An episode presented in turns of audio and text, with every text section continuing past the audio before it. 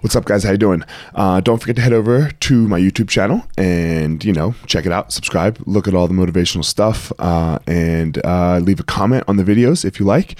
Um, on my Instagram, there is a free copy of my book and an ebook copy of it. So give a follow and a like, and then yeah, grab a copy of the book. Uh, my journey through my struggle uh, with anxiety and uh, overcoming that fear. So, um, my course is also on my website or my Instagram if you want the webinar first, a webinar on mindset. So, um, yeah, check that out.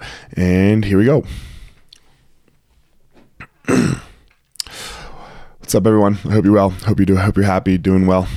Hope you had a good weekend or whenever it is that you listen to this, that your day is going skillfully. Um, you hear this idea a lot that I wanted to talk about, like the the male protector, right? And and it's we're staying in this realm of, of what is toxic masculinity, um, and just the ideas behind it. Um, so this idea that I am the protector of my house, uh, it bothers me. like, yes, of course I am. Um, if somebody breaks in and yada yada, yeah, yeah, I'm gonna I'm gonna do what has to be done without a doubt. But I don't protect my wife any more than my wife protects me or takes care of me. We protect our children, yeah, without a doubt, because they are children and they need to they they need protection. But when we we hear this term protection, we often just think of it in the physical end and and then what it in my from my experience what it what it bleeds into and this is where i just blew it for a very long time is it bleeds into this emotional end. Like i can solve my wife's problems. And for years i would run around crazy trying to solve her problems. Like oh what can i do to fix this? You know can, can i make you happy?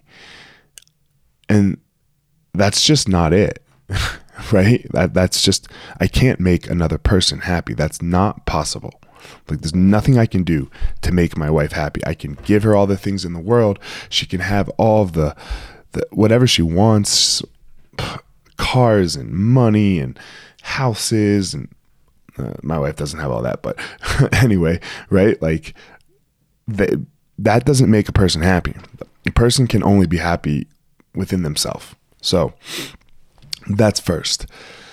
Second, when you try to solve anyone else's problem, you take all their power away. All of it. If they don't solve their own problems, you take their power away. Think about it just in the case of our children. I'm not here to solve my kids' problems. I can't solve their problems. I'm here to pick them up when they fall because I don't know how to do that yet, quite yet. I am here to guide them along the way. But solving their problems is not what I'm here to do. Except sometimes it is with kids, right? We all know that. Yeah, for sure. When we all do it. But the idea of my wife that I'm here to fix her or protect her in a way and that means taking care of the things she needs. Well, then you just start to, in my opinion, divulge into, uh, well, I did this and you now you need to do this type stuff. No. I'm here to help my wife. I'm here to be a support for my wife. And there was no bigger uh, person who made this mistake more than me. I would just run crazy trying to, oh, she's mad. Let me do this, or but this this would drive me insane. Baby, can I help you with something? Do you need something from me? Can, is there something that I can do to help? No? Okay. And now this is this is where it gets difficult. This is where it gets really really difficult. It's uncomfortable when somebody else has a problem in your house, especially your wife, especially if the problem is emotional and ongoing. We want it to end. I know I do. And that's why we try to fix the problem. There's no power in that for you either. Can we sit in the uncomfortability of somebody else struggling that you're very close with, or somebody else dealing with some difficulty, knowing that it will pass just like every other thing? Every, every storm runs out of rain. We just have to be there with them. That's real strength. That's real protection because that's what we're all scared of. We're scared that we're going to be alone in our problems. That's what I'm scared of anyway. If I fix other people's problems, then well, then I have when I have problems, they'll they'll help fix my problems. I don't want to be alone. I don't want to be on this island by myself where it's difficult and scary but we are all alone anyway. Right? In here, in our mind, we're by ourselves. There's nobody else there. And this is where so many of our problems arise. So, that fear, right? That fear, that fear of loneliness, that fear of being abandoned, that, that, that fear that if I do this, then it will just be calm.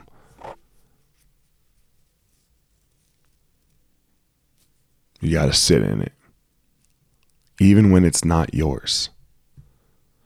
Even even when it's not yours, even when the answer in your from your perspective is so clear. It's not going to help anybody.